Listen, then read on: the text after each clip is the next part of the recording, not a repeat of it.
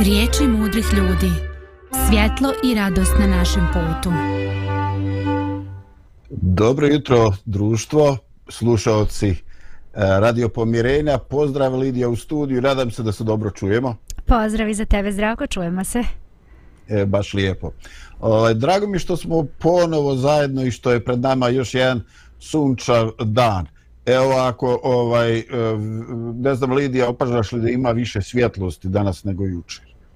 Um, misliš uh, vani ili u kom smislu? Ma nisam baš mislio. Ma ne, nabacio sam novu frizuru, pa rekao, vjerojatno je refleksija povećana i više svjetlosti pred kamerom. Ovaj, ja, govorio si malo... o danu, znaš, pa ja sam ostala vani. dobro, dobro. Ovaj, ajde, baš lijepo, do, u dobrom smo raspoloženju. Ovaj, eh, još, još smo u nekim ovaj, eh, fazama testiranja opreme, da ovaj eh, evo danas Lidija ima ovaj, jednu bubicu tako da nije ti znaš da ja imam problem kad pričam da se razmahšem da odmaknem glavu, primaknem glavu i opet ovi radijski mikrofoni to ovako teško trpe te različite distance. Ajde vidimo šta će biti danas dok budemo koristili ovu bubicu, jer ona je fiksna, mislim, glava mi ne ide, obično i vrat ide zajedno sa glavom. Ovaj, ajde, nadamo se da vidimo šta će biti sa ovim, pa da će eksperiment biti uspješan. A ako ne, imamo provjerene opcije. Ovaj, eh, dobro, ti si tu i, ovaj, i dalje radimo u ljetnom suženom sastavu, ali nadamo se postupeno da će ovaj dio naše ekipe se jedno po jedno vraćati. Da Neki će uskoro... doći, drugi će otići. Jedni će otići, Tako drugi to će bude, doći. jeste. Neka, znaš kako kažu u našem narodu, nek smo živi, zdravi, ovaj, od živoga se uvijek nešto nadaš, od pokojnika se ne nadaš ništa. ovaj, evo ja sada odmah krenuo na pokojnika, ali pomalo je to u vezi sa našom ovaj e, današnjom temom. I kao što je naslov danas e, serijala od srijede riječi mudrih ljudi, ja ću ostati dosledan sebi i ovaj iako ja imam dobru namjeru da se odmaknem od Andrića od Meše, ovaj al šta mogu, to je Lidija jače od mene i taman isplaniram nešto, uvučem nekoga Grka, uvučem nekoga drugoga, i prođe ovaj neko vrijeme i onda opet se vratim. Šta mogu kad mi je to nekako privezano za srce? da. Eto. I opet Meša i opet Ostravo i neki evo, jedan stih koji je u prvi mah izgledao čudan, ali samo na prvi mah. Evo, hoću sad da to podijelim i sa tobom i da to bude neki šlagvort za naše današnje družene, razgovori i razmišljanje. Ne znam hoćeš li mi vjerovati. Ali ako bi mi neko ponudio da živi vječno, ne bi pristao. Prvo, umorio sam se i od ovoga što do sada, sam do sada živio. A kako bih se tek umorio kad bi znao da neću nikad umrijeti? Bog nek me sačuva od te strahote. Neka ide sve svojim redom. I život i smrt. Život bez zla, a smrt bez muke. E, evo, ovaj ne znam kakva su tvoje reakcije o bravo ti si našla i ovaj i našla si i sliku baš lijepo aj hvala Lidija. Ne znam kakve su tvoje reakcije. Jesu i tvoje reakcije na prvu loptu kako mi to kažemo? Onako iz tog nekog našega ovaj hrišćanskog e, svetonazora, onako čekaj šta ovaj priča neće, neće da živi vječno. Kakve su tvoje reakcije na ovaj citat?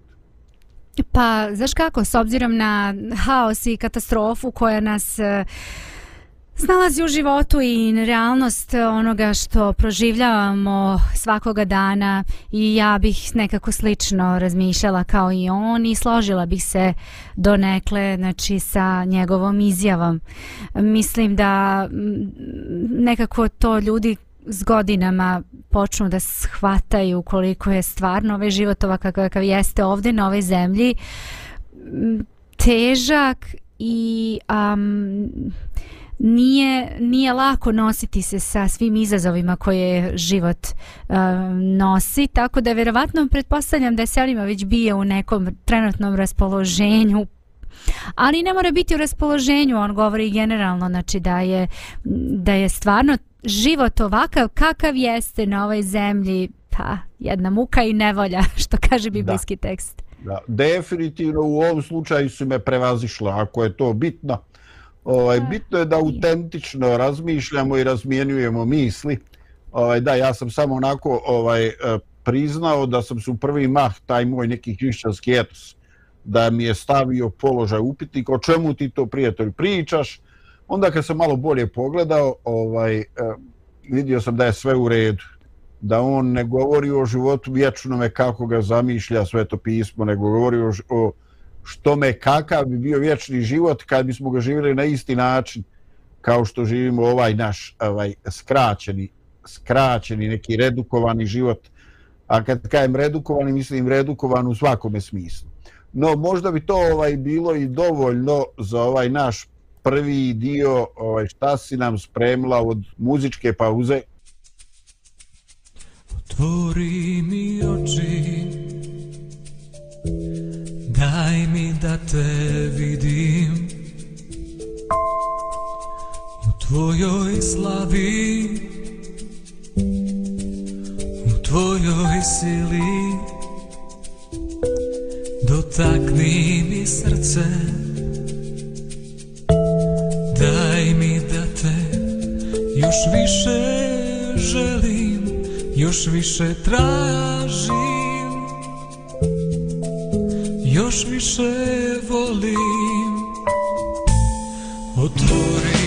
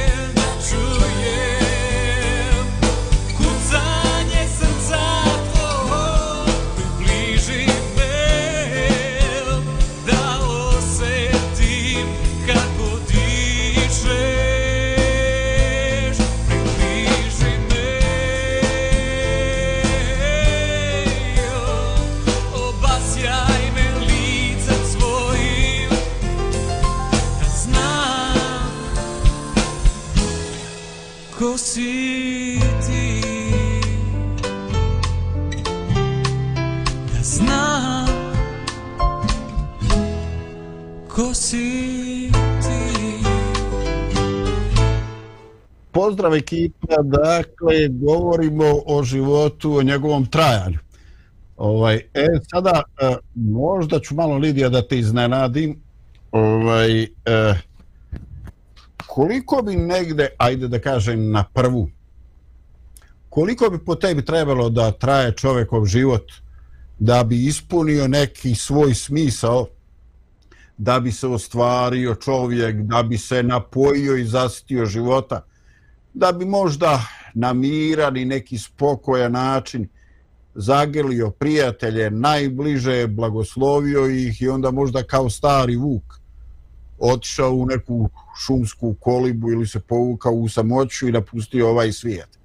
Dakle, ovaj nešto što naravno ne tražim ovaj neki autoritavan odgovor, ali više neko ovako slobodno razmišljanje, neku impresiju ovaj, e, koliko bi to trebalo da traje neki ljudski život s obzirom na sve ono lijepo i ružno što doživljava? Pa to pitanje bismo mogli da postavimo ljudima koji e, su na sahrani. Znači kad se okupe, okupi grupa ljudi, to bi bilo zanimljiv eksperi, eksperiment, mislim, malo je ružno eksperimentisati u, u tim jako tužnim i, i teškim trenucima, ali čisto eto razmišljamo, znači onako više filozofski, um, znači e, da, da se oni pitaju, eto, koliko biste volili da je ta osoba još ostala da živi. I odgovor koji bismo dobili m, bi bio verovatno sljedeći, a to je da ako se osoba mučila, patila, imala neku bolest e, i jednostavno baš je onako teško bilo možda eto pred kraj života ili možda veći deo života, različite su sudbine. Na, na kraju na kraju ljudi kažu pa smirila se ta osoba, smirio se, mm -hmm. smirila se. A kad, e, kad je sve u redu, kad je osoba zdrava, kad sve funkcioniše, onda nekako nam smrt dođe iznenada i uvek nekako kažemo pa mogla je ta osoba još da poziviš, poživi šta se to desilo. Znaš ono kad ljudi kažu ma juče sam pričao s njom, juče smo razgovarali, evo danas čujem da umrlo, umro ili umrla, pa šta se Ništa to desilo? Ništa nije nagovještavalo. Ništa nije nagovještavalo. Znači sve zavisi od, od kvaliteta života i od patnje sa kojom su ljudi a, prošli život. Ne postoji tu neko pravilo koliko uh, koliko bismo, eto, možda trebali da živimo da bismo ispunili često na kraju života ljudi kad se okrenu iza sebe, koliko su stvarno ispunili svoj život i nadanje. Neki nemaju ni vremena da razmišljaju o tome, smrt dođe iznenada. Neki imaju puno vremena o tome da razmišljaju. Kažem, različite su životne situacije i različite su okolnosti, ali ono što nas najčešće... Um, što nam onako daje neku utehu jeste to kad dođe nekad je smrt stvarno pozitivna stvar kad se, kad se osoba baš pati kad je teško i kad se muči onda kažemo pa neka je eto kažem smirila se i, i, i tako ali generalno ljudi vole da žive. I u posljednjim trenucima kad bismo mogli da pitamo a mi ne znamo u trenutku kad će kome doći zadnji čas i da nam neko o tome još i priča da, da kaže osoba da li, da li želi da umre niko ne želi da umre. Svi žele da žive makar ima i 120 godina i 130 i, i, i možda i više ali to se redko dešava ali hoćete kažem čak i ljudi koji najduže žive i dalje bi voleli još jedan dan života da, da dožive i prožive. I to mi sad došla ona pjesma jedan dan života da ostane meni i tako. U čoveče. Da, život je čudo. Ovaj, iskreno, iskreno ovaj, ja stvarno ovaj, razočarao bi se da su mi rekla neke ovako ovaj, e, godine. Ne bi se razočarao. Ajde kažem, ali to je e, rezultat samo nekoga trenutnog misla ili trenutnog razmišljanja u odnosu na neki nešto, u odnosu recimo na profesionalnu orijentaciju, u odnosu na posao, u odnosu na ostvarenje čovjeka, emotivno, porodično, reprodukcija same porodice i tako. Ali ovaj definitivno ovaj to pitanje nije relevantno. I zato postoje ono ovaj e, kaže neki se ljudi trude da svome životu dodaju godine a drugi mm. se opet trude da a, svojim godinama dodaju više života. A znaš kako kad smo mlađi, evo ja gledam dečicu moju i tako tu drugu dečicu, pa onda kažu, o, on je star, ima 40 godina, on je star, ima, njima je to staro, znaš, i onda tako se šale deca kod deca, naravno, o, ja da doživim do 40, dosta, do 50, dosta, dosta, a kad dođeš... Ovi 50 to već me tu zaleni, jel tako? Da, da, da, a kad dođeš u te godine, onda ti nije to tako mnogo. I onda ja se sećam kad sam ja bila mlađa i kažu, ovaj, kaže tako, moji isto tako dešava, dešava se naravno, ljudi umiru i kažu, ma joj, kaže mlad čovek u 60 godina umro mlad. Znaš, ja onako misli se u sebi, rekao, kako mlad u 60 godina? To nije mlado, to je meni staro, ono, 60 godina, molim, kakvi, puna kapa. Molim, da. ma, pusti puna kapa, pusti tu priču. Pa i sad sa mnom da svađaš u program uživo. Da, a to je kad sam bila mala, ja sam lepo spomenula. Aha, dobro, dobro, ajde oprošteno. Da, da, da, da. Pa kažem, kad sam bila mala i moji roditelji pričaju, znaš, i onda kažu, ej, oj, mlad, umro u 60 godina. Ja onako mala kažem, a kakvi mlad u 60? Ne može biti mlad. Da. Dosta mu je ono u smislu, znaš. Dobro, dobro. deca Evo tako. recimo Izet Fazlinović i ja smo ti neka mjera ovaj koliko šta kako i tako mislim ono ko misli umiranje daleko mu lijepa kuća ne, nek ide. Ja men ne pada na pamet bez veze pa nemam ja vremena za to šta je vama? Pa jeste. ovaj a dobro Lidija da. Ovaj e, u tim godinama kad dijete 35 40 godina stariji je on već. Ovo 50 60 to već e, metuzalen ili fosil sad izgleda moderni izraz. Znači već smo fo- fosilizovali a ovaj a onda dođeš u 50 ili 60 i kažeš joj čoveč imam ja još neostvarenih želja i ludosti koje bi trebalo realizovati kako da se organizujem da mi to ne pobjegne, da još malo uživam u nekim stvarima koje mi čine ovaj, radost. Postoji i onaj e, subjektivni, ajde možda direktno rečeno, depresivni dio, ovaj, koji je rezultat e, tog nekog racionalizma, ateizma, ovaj, e, i prije izvjesnog broja godina među mladim ljudima se ovaj pojavila ta misao da treba živjeti ovaj punom brzinom i kaže ovaj živi brzo umri mlad i budi lijep leš ovaj e, koliko to tebi mislim ono koliko to tebi djeluje kao neki cilj ono kao nešto? Pa vidi, verovatno sad ti razmišljaš kao neko sa š- 60 plus.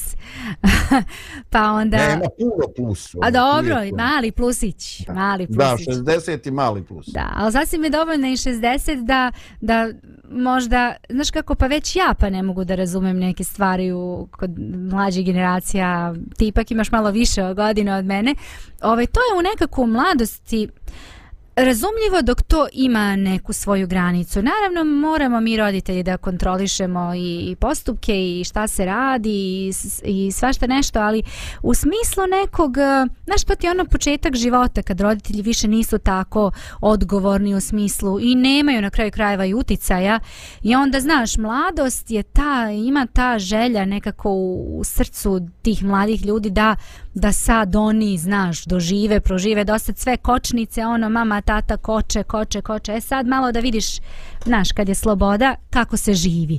I onda oni pokušavaju u tim godinama, eto, da neke stvari prožive na neki svoj način i tako. Ja ne mislim da je to loše samo po sebi, e, ukoliko, ukoliko to ipak ima neke, neke granice naravno i ne nekog preterivanja. Um, I to u mladosti ono da proživim, da doživim, da vidim, da prođem. A, sve je to deo tog nekog odrastanja i te neke faze životne koja dođe i prođe i onda kad dođe neke godine ti imaš o čemu da pričaš. Ovaj, sve je to deo životne faze, ja bih rekla. Da pričam. Daj.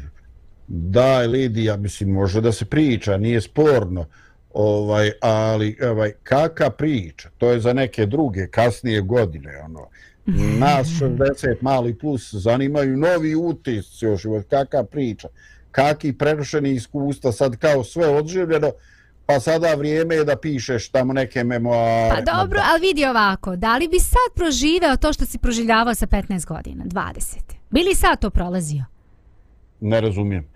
Misliš, želim ili po, da li želiš? po- Jeste, da li bih hteo sad u ovim godinama da to sve prođeš? Ne bi. Pa ne bi, pa ne bih ni ja. E, ja o tome govorim, znači o tome imaš da pričaš. E, znaš šta ja kad sam imao 15, jo, šta sam ja radio, čuj da ti ispričam. O tome ja pričam. Ti sad u svojim godinama naravno da doživljavaš e, neka nova iskustva koja su prikladna tvojim godinama. Možda nekad i nisu, ali sve to, sve to opet, kažem, deo života. Ali ipak u tim godinama takvim mladalačkim, pa naravno da ćeš proživljavati svašta nešto što ne bi sa 60 ni pomislio. Da. A Da. dobro, ali evo vidiš, mi smo već naišli na ovo, ovaj, na, mešin, eh, na mešanu izjavu, kad on kaže da mi sad ponudim 100, 200, 300, 500 godina vječnost, ne, nemoj materet, nemoj što će mi to. Ovaj, eh, jer kad ti postojiš meni pitanje da li bi ponovo da prolaziš kroz to srednja škola, ovo je ono, pa Da. ne čoveče, puno Pa je tu stvari, to su stvari koje su bile primjerene mome mozgu od 15-16 godina. Jest. I normalno je da čovjek s 19 godina ide u armiju ako je ima.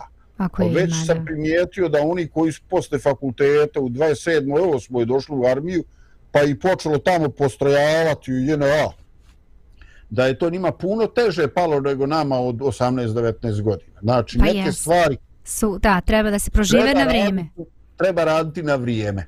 I Da. život koliko god bio radostan, ovo i ono, e, on nas donekle, donekle nas i donekle nas iz, iz zamara nas sve to. I ovaj e, upravo ta kombinacija lijepog i ružnog čini život interesantnim.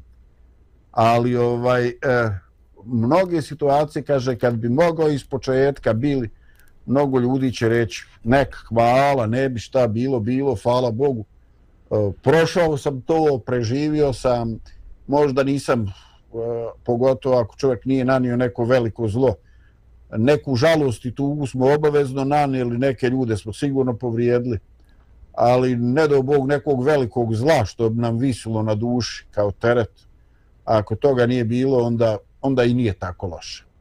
Ovaj, da, pomalo, pomalo ovaj, eh, postaje jasnije ono mešino. Ovaj, e, izgleda da imamo taman toliko godina koliko nam e, treba ili makar principijelno gledano u pojedinačni slučaju su svakako neobjašnjivi. Ali ovaj nisi mi se nekako dovoljno osvrnula na ono ovaj neki ljudi žele da dodaju godine životu, a drugi ljudi žele da dodaju život postojećim godinama. Šta je tebi bliže? A, ja sam to nekako i učim, još uvek učim e, tu lekciju, a to je da živim, pričala sam o tome i u ranijim emisijama, da živim dan za danom, da uživam u svakom danu.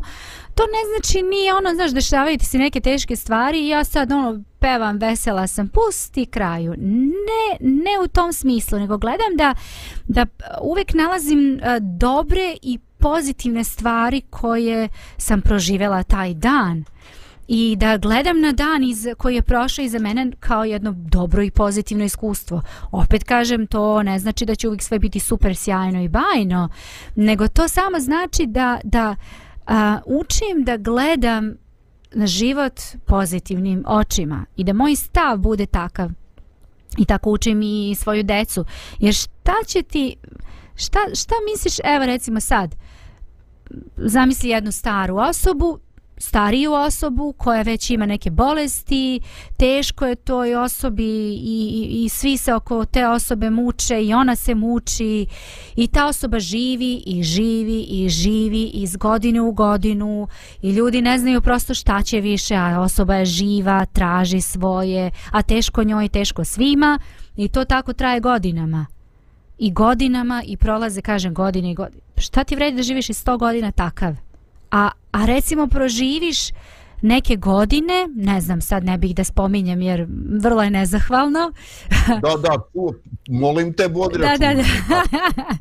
da, evo, proživi, evo uzet ću svoj primjer. Proživi 40 godina i okreneš se iza sebe i, i imaš, imaš nekako imaš šta da kažeš ono ako, ako je to moguće ali eto zamišljamo sad neku situaciju i ja se sad okrenem iza sebe i kažem hej pa ja sam imala lep život znaš kako ja nekako uvek gledam da, da smatram da da sam potrebna svoje deci da sam potrebna svom suprugu i da eto možda mogu da doprinesem ljudima, svetu, crkvi, eh, Bogu, da mogu da doprinesem svojim, svom, svojim životom nekom tom segmentu života.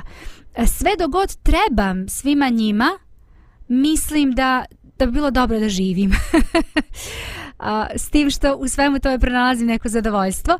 A kad, kad shvatiš ono da mogu svi oni nekako, dobro, suprug nekako možda ovaj ostaje onako do kraja o, uz tebe i tako, ali, ali nekako znaš, ono deci nekako smo najpotrebniji. Misliš da se ne bi snašao, jel? Ne mislim da se ne bi snašao, ali ne mislim da bi pevao. da. Dobro, svaka, svaka. da, da život ide Koliko dalje, naravno, to je Koliko ste vi već dugo zajedno? 17 godina. U braku. U, u braku, ovaj, Jest. mašala. što Zašto kažem u ovaj, braku? Studirali smo zajedno četiri godine, pa smo živjeli na, na Te fakultetu. detalje nećemo, šta se s čim sabira i tako. Da, Okej. Pa ja sabiram. Ovaj, da. Dobro, Lidija. Ovaj, e, interesantno u svakom slučaju, kao i tema, govorimo o životu.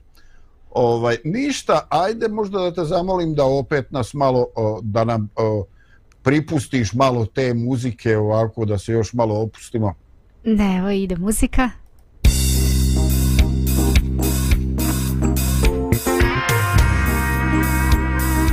Radio Pomirenje.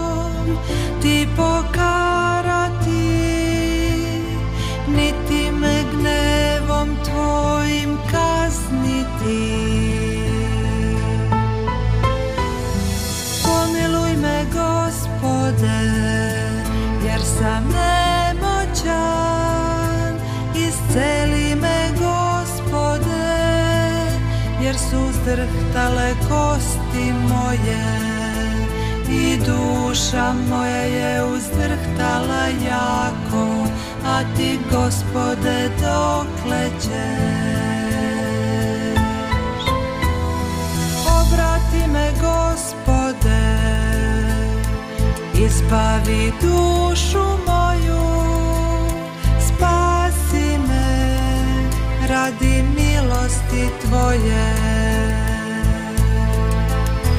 jer ko bi u smrti pominjao tebe i u adu ko će te slaviti?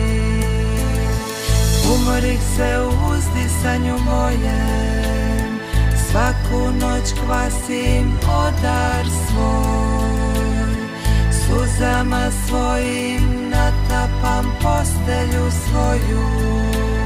Smuti se od žalosti oko moje. Ostarih od svih neprijatelja mojih. Idite od mene Svi koji činite bezakonje usliši gospod. Glas plača moga usliši gospod. Molitvu moju. Gospod molitvu moju primi. Nek se postide i prepadnu svi neprijatelji moji. Nek se povrate i postide odmah.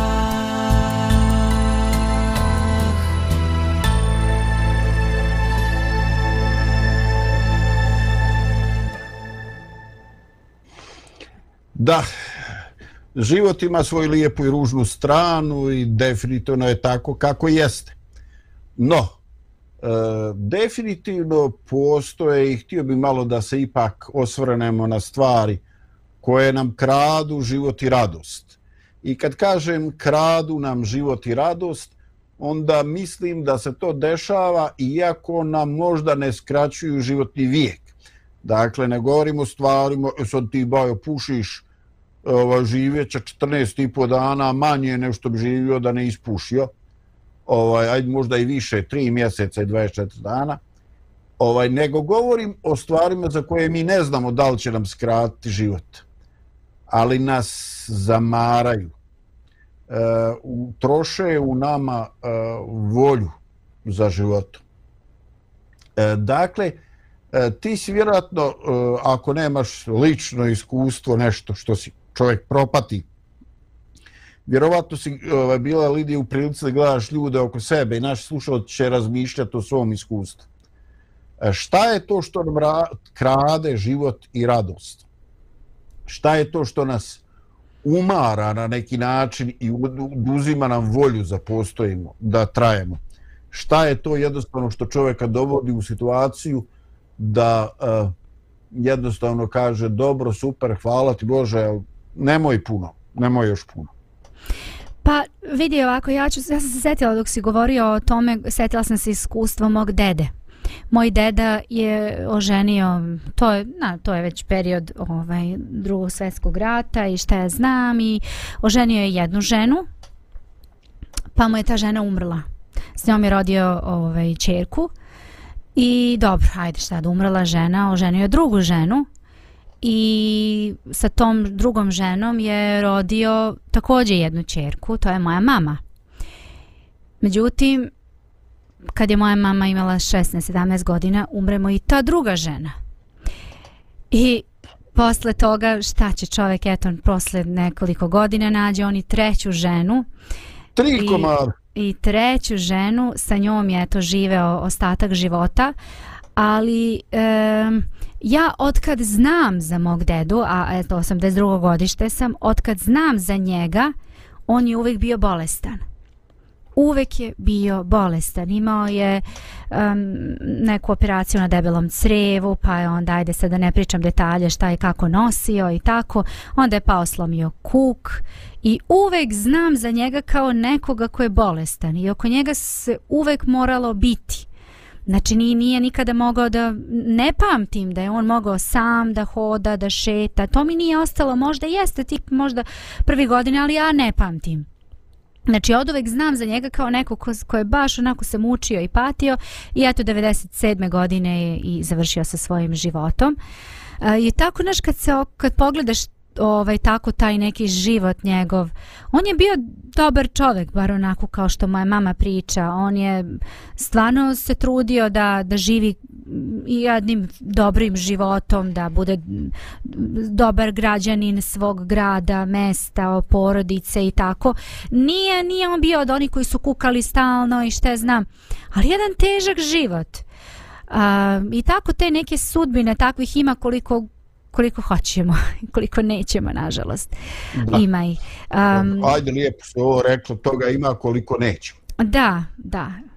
Tako da ovaj, m, šta ja sam mislio ja sam mislio ti ćeš reći da je njemu dosadio život zato što se tri put ženio treba će mu tri put, tri put se prilagođavao čovječe. To, to su strašne ovo. stvari, da, to su baš da. teške, teške stvari ovaj, koje prođeš u životu i onda se okreneš i kažeš, znaš on, hajde jednom kreneš, pa dobro, hajde, desi se, to je već tragedija sama za sebe. Pa onda drugi put se desi, znači već kad treći put onda uđeš u brak, to je stvarno baš Ovaj, mislim, dobar je on život imao, ne mogu da kažem, ali, ali s te strane kad sagledaš i pogledaš, nije bio to lag život, znaš, to su, ovaj, sve vjerojatno možda, možda vi iskustveno malo znaš, a možda i ne znaš, znači kako su naši dedovi živeli, to ti ono, znaš, živi na selu, onda ide radi u grad, radio je kao knjigovođa, pa se onda vrati kući, pa onda ide na sasvim drugi kraj sela tamo, jer tamo ima plodnu njivu gde sadi i seje i onda tako čitav dan od jutra do braka se radilo i radilo radilo i radilo i radilo i tako ti prođe život baš jedan onako težak život. Kad si pitao šta dode doprinosi kvalitetu života ili šta nas možda onako, pa ja mislim da ono što sam spomenula na početku, znači bolest nas najviše onako eh, da kažem muči ili ili neki stres koji koji proživljavamo. Mislim da su možda naši stari više imali tu muku života, znaš. Ono nema nema sredstava za život, nema dovoljno hrane, nema ovoga, onoga i to ih je onako mučilo.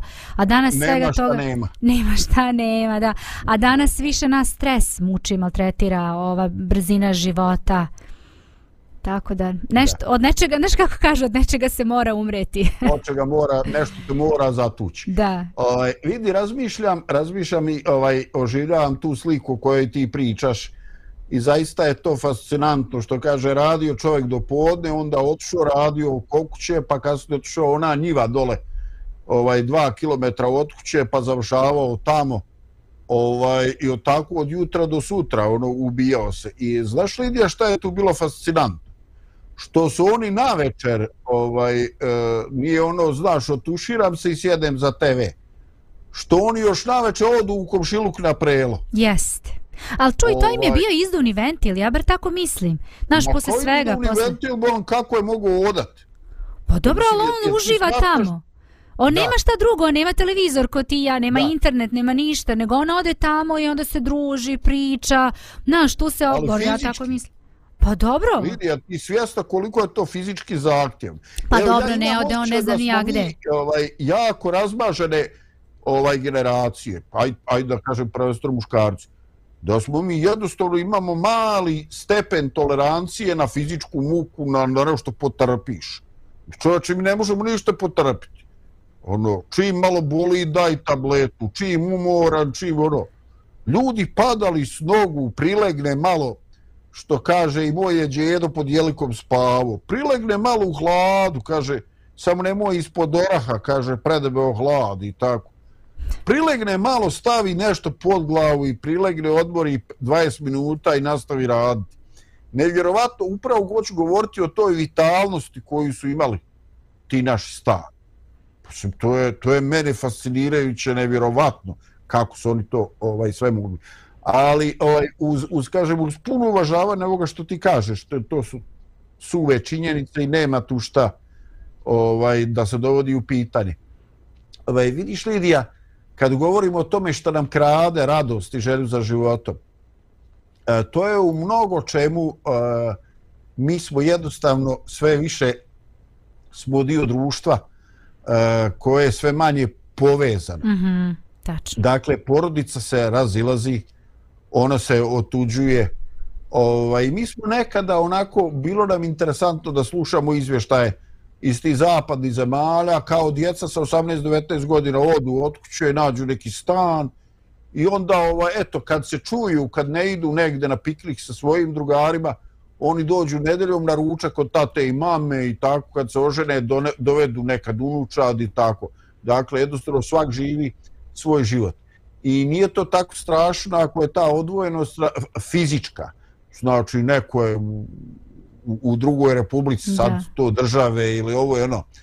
Nego ovaj, e, strašno je e, kad su ljudi fizički mogu biti povremeno i blizu, ali kad imaju sve manje šta da pričaju ili to što ovaj kažu e, ne bude prihvaćeno u smislu s- makar saslušano s nekim respektom, nego jednostavno ovaj to biva neko negiranje e, E, tuđeg, e, tuđeg iskustva, njegovog pravo da pogriješi, njegovog prava da ne bude sve u životu idealno.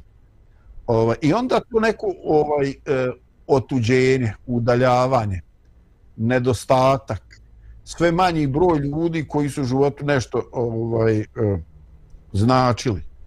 Ovaj, I što bi rekao jedan ovaj, čiča, ovaj, ona je Rahmetl Postar, jeli, smrtovnica. Sve više poznatih ljudi, sve više generacije pronalaziš.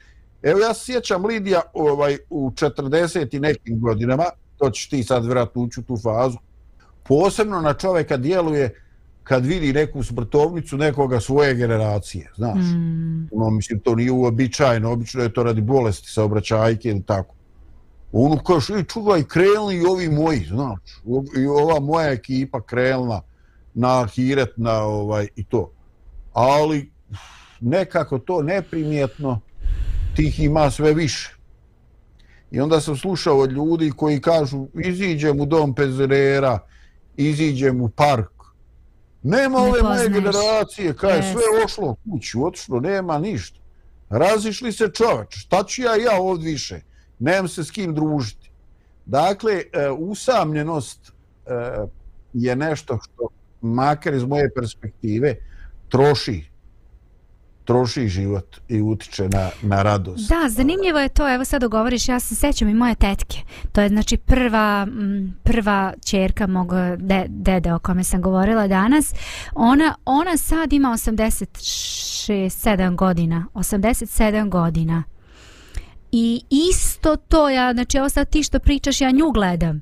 Ona isto tako, sećam se godinama, prola, ja, ja sam odlazila kod nje često na, na raspust kad smo bili, a onda sam išla kod nje i kad god odem, ovaj, uvek tako šetamo. Znaš, i onda ona gleda, znaš, gleda smrtovnice. Kažem, pa što gledaš smrtovnice, to ko ko to još radi, mislim, zašto bi? Znaš, da shvatiš vremenom da, da ljudi jednostavno gledaju, znaš, da vide da nije neko slučajno. Ne onda čuješ umrati ovaj, umrati onaj, znaš. I sad, recimo danas, ona, ona nema više ni sa kim da se čuje, ona nema ni sa kim, drugo je mi smo rodbina, ali ona nema svojih drug, drug, drugarica, prijateljica, drugova, znači svi su pomrli i muž je njen pomro. ona više, ona više nema želju ni televizor da gleda. Jednostavno nema želju. Meni je to čudno, po kako nema želju, ajde bar gledaj televizor, ne, znaš, ono serije ili tako nešto. Znaš, kad si sama, šta bi sad kući, mora da leži, nema šta drugo. Ajde bar to. Ali nema, ona nema životne radosti ništa, ništa što bi je sad pokrenulo i to su te neke godine što ti kažeš kada jednostavno znaš, prosto nemaš neki izvor zadovoljstva. Da. Ovaj, a, dobro, definitivno, definitivno vidimo, a, dođe neko vrijeme da neki ljudi požele sami da se polako, da pozavršavaju poslove, da ovaj napišu testament, jednostavno ne vide razloga da se tu požele, požele da se ugasi. No, nije uvijek tako, ima oni koji žele grozničavo da žive, još malo daj šta daš, a ako može još koji da. No, ovaj, uh, ajde da napravimo Lidija još jednu pauzu i jesi nam spremila još nešto ovako lijepo da slušamo. I ima jedna fina pesma.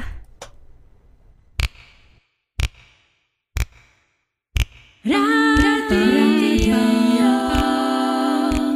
Radija pomirenje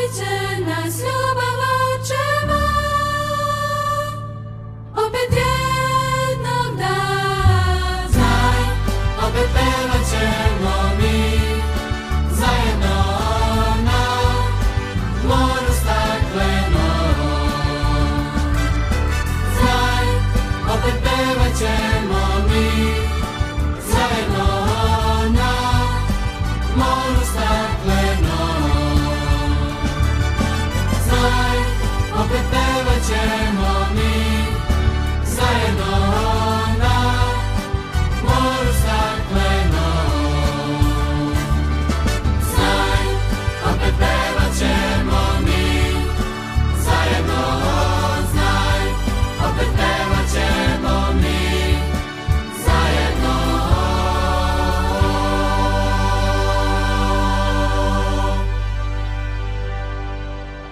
Da, ponovo smo zajedno i razmišljamo o životu, o godinama starosti, o sadržaju tog života.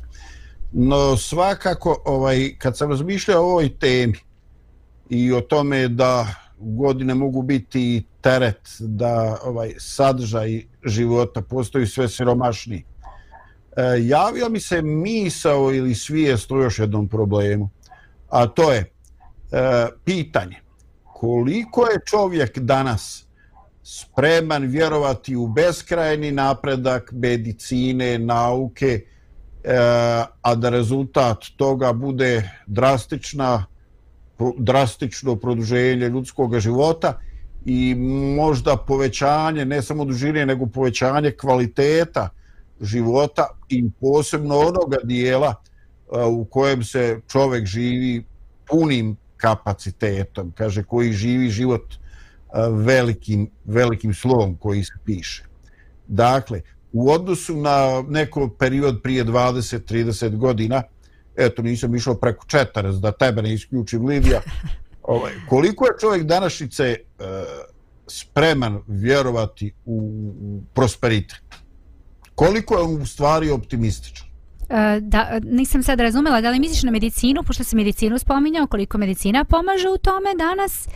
Ne, ne, pitam koliko je čovjek vjeruje da će napredak medicine, nauke i svega ostaloga dovesti do ovaj e, koliki optimizam postoji danas u odnosu na prošlost. Dakle, koliko čovjek danas je sklon vjerovati da će mu nauka, medicina donijeti rješenja, produžiti mu život na 200 godina, učiniti da 100 godina ima radosti, 50 godina da uživa u penziji i tako i sa sve to vrijeme da može hodati, ovaj, da može trčati, baviti se sportom, onako, ajde da kajem živiti život punim plućima.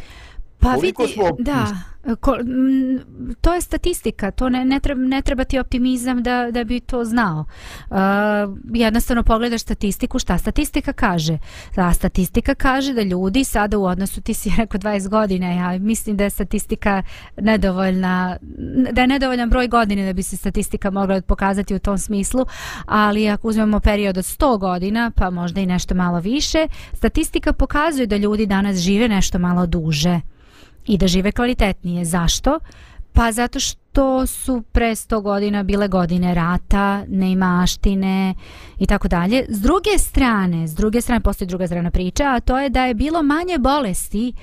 Um, deca jesu umirala od različitih bolesti, nije medicina baš toliko mogla da izleči neke bolesti sa kojima se mi danas ma, lečimo ih bukvalno za par dana, a onda se umiralo od svega toga. Dok s druge strane mi danas imamo toliko puno bolesti koje nisu bile deo onog sveta, onog života. Tako da mislim da više ta medicinska saznanja, saznanja o zdravom životu, zdravom načinu života, funkcionisanju, mogućnost da imamo e, uslove, da kažem koliko toliko normalne za život, to sve puno znači i pomaže, da, da možda fizički um, ljudi žive žive duže, to je po statistici, e, sad ja ne govorim o pojedinim slučajevima. Ali ali uh, definitivno da ovo vrijeme danas ima problem sa nekim drugim stvarima koje koje ruše kvalitet našeg života i koje ne, ne dozvoljavaju da, da dišemo punim plućima. A po najviše mislim na stres, na brzinu života i na sve ostalo, pa onda ove savremene kardiovaskularne bolesti i ostale druge bolesti koje muče današnji svet. Tako da ne znam, ima pluseva i minuseva, ako me pitaš. Da, očito je, ovaj, razumijem Lidija sve što si mi rekla i vjeruj mi sa svim se šlažem, ali ovaj, e, izgleda da nisam ja uspio da, da postavim pitanje, da ga intoniram. E, ti možda ni nisi sjedok u tvom sjećanju, ne živi. E, kako je u nekim tamo 70. godinama, a ja sam tad bio dječak, tineđer. Pa nisam se rodila čoveče. Da, nisam se rodila. Koliko je tad ovaj, postojao jedan optimizam? Pa nauka sve rješava, pa automatika, pa ovo, pa ono, pa... Ovaj, evo, pitanje vremena kad će sve bolesti naći u odgovor, sve će biti izliječivo, nauka ide džinovskim koracima napred, ovo je ono, društvena svijest odrasta. Evo, mi moramo doći do tog nivoa da će svako raditi koliko može, a uzeti odnijeti kuć koliko mu treba. I onda se Lidija to nekako izjalovilo ništa od toga. Zašto? Pa zato što prvo ovaj, nisu ljudi radili koliko su mogli. Kaže, ne može on mene toliko malo plati koliko ja malo mogu raditi. A s druge strane, ovaj postojali su postojali su oni koji nisu uzimali koliko im treba, nek su uzimali koliko im ne treba. I sve je to naše, sve je to narodno, ali neka na mom računu stranu svoj banci. Razumiješ me? Znači, jednostavno, šta se desilo? E, došao je jedan trenutak kad su rekli ne funkcioniše ovo. Bolje ćemo se mi vrijediti o, o materijalnim sredstvima kad oni budu privatno vlasništvo. I onda, aj kao dobro, aj probamo i to, jer očito da ovako svi krademo i svima je loše, osim ono. I onda smo, onda smo vidjeli nešto još gore, na primjer. Znači, sve se privatizuje. Razumiješ, ne znam koliko ti imaš sjećanje, a nekad su ovaj postojalo pitanje, neki proizvod, uzmeš ovako, gledaš i kaže, ovo je po jusu. Čoveče, znači, to je zadovoljilo neke standardne, pa onda DIN, na primjer, njemački standard bio i ovaj i kupio mi pecaroš da iva mašinu za pecanje. Kupiš 20 godina smiran, piše tamo din standard vrsta zupčanika, znači to ima da traje. Kupiš gol dvojku. Kupiš gol dvojku, ono šta prvo crkne kod golfa dvojke, kao šofer. Ovaj, pardon. Znači, postojali su neki standardi, neka očekivanja. I onda je iz makar perspektive ovi koji se sjećaju ovaj, onog što se ja sjećam, od jedan put čovječe mi smo iznevjereni. Ovaj, kažu, ajmo pri, pri, privatizovati, oni zatvoriše firme, upropastiše, ostaše ljudi bez radnih mjesta. Nauka će napredovati, e, pa kao nauka je medicina privatizovana. Što taj lijek se ne populariše, kao zato što je jeftin? što bi se ti izliječio za 5 maraka ako mora, možeš se i liječiti za 500 maraka. Gde ti ako da budeš zdrav i živ, kup se lijek od 500 maraka ili crkni ako ne možeš, ako ti neko pomoći. Dakle, nije došlo do nekog razvoja svijesti. Mislim, makar ja ga ne vidim, možda vi mladi vidite. I jednostavno, taj optimizam da će nam nauka donijeti rješenje ovaj, je negde ispario ovaj, naravno da mi usvajamo nove tehnologije, ali sve te tehnologije ovaj, Lidija nađu svoj način da se koriste za međusobno uništenje. Znači, znači, nova tehnologija koriste u ratu. Tako, dobro, yes. uvijek je tako bilo. Yes. Najnovije tehnologije se prvo koristile tu, pa onda tek išle civilima. Da. Ali ovaj, ono što ću ja da sugerišem, ili makar moje viđenje toga, Lidija nestalo je optimizma ne uzdaju se ljudi. Bez obzira što postoji neki produženje životnog vijeka, 15, možda 20 godina, zavisi koji period gledamo, ali ovaj mi imamo toliko tih nekih novih degenerativnih bolesti, imamo ljudi koji žive duže, ali koje pati od stvari koje nikada nisu, nisu patili. Znači, mi Mi imamo djecu koja dobiju šećernu bolest. Imamo 25-godišnjake koji boluju od kancera. Znači, pa dobro, da, ali e, s druge strane, slo, složila bih se samo ovaj zadnji, ne, ne bih se složila. Zašto? Zato što je bilo recimo ra, ranije tih bolesti nekih, pogotovo eto dečjih bolesti, spomenuo si decu. Znači ranije se od, od gripe se moglo umreti, od upale pluća se moglo umreti, od tih dečjih, e, ne znam, paraliza i različitih tih stvari i bolesti, da ranije se umirala, danas postoji postoji vakcina, zato i zato deca ne umiru. Ja, mi ne govorimo sad o opravdanosti vakcine, znači to je jedna posebna priča i tema, ali govorimo generalno da ipak medicina jeste uznapredovala u tom nekom smislu i isčezle su, recimo, uh, masa žena bi danas na porođaju umrla da su se recimo porađale pre stotinak i nešto godina. A danas, danas se to rešava vrlo lako i jednostavno. Zna se ako beba ne zaplače, vjerovatno je voda ušla, vodica ušla u pluća i potrebno je tu vodicu izvući. Beba živa, živa Ove, svi smo živi i to je to. Hoću da kažem, znači, uh, da, malo, malo tup tup, i, ali dobro, mora se izvući ipak ta voda, ne može beba da zaplače. I postoje te neke druge stvari, znači, mnogi su danas živi zahvaljujući toj nekoj nauci, napretku i tako dalje. Mnoge su se bolesti danas izlečile u odnosu na one bolesti koje ranijima nikom ne bi palo na pamet da to, da to rešava i da to leči. Danas, danas da. se to vrlo uspešno leči. Znači, kažem, ipak ima i pluseva i minuseva i s jedne i s druge strane. Ovaj, nekog napretka ima, nekog napretka, iako ima i nazadka. Um, živimo u vremenu u kome živimo, ne možemo promeniti vreme u kome smo sada, tu smo gde da. jesmo, ali ovaj... Ti mi, Lidija, da, ti mi uspješno eskiviraš ono, ovaj, e, dobro, zato je i mačka ovaj, ženskog roda.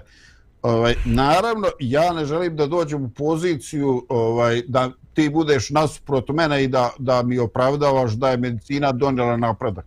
A dobro, imamo Hvala pravo da imamo različit stav. Je, da. I taj napredak je grandioz. Znači, on nema ništa sporno. Ovaj, ja govorim o nečemu drugome. Govorimo na početku toga napredka je postoje ogroman optimizam. Razumeš me? Znači, napredak je bio, ali se optimizam istopio. I sada ovaj ljudi vide napredak, vide mogućnost napredka, ali također vide da to možda ne služi čovjeku, nego služi kapitalu. Pa ne, vide da tu postoje neki da. sasvim drugi faktori ovaj koji koji ovaj određuju i stavljaju čovjeka u milost i nemilost. Znači, ovaj danas više djeca ne obolijevaju od ovaj dječje ovaj paralize, od mnogih drugih stvari mnoge stvari su znači riješene, neke bolesti su iskorijenjene gotovo. Neke se zbog nekog razloga ponovo vraćaju. Ali eto, dolaze neke, dolaze neke nove. Ono što sam ja ovaj želio znači, da naglasim, ne želeći uopšte polemiku za i protiv medicine, naravno, Bogu hvala da sam za, ovaj, a to je nešto se desilo sa sviješću.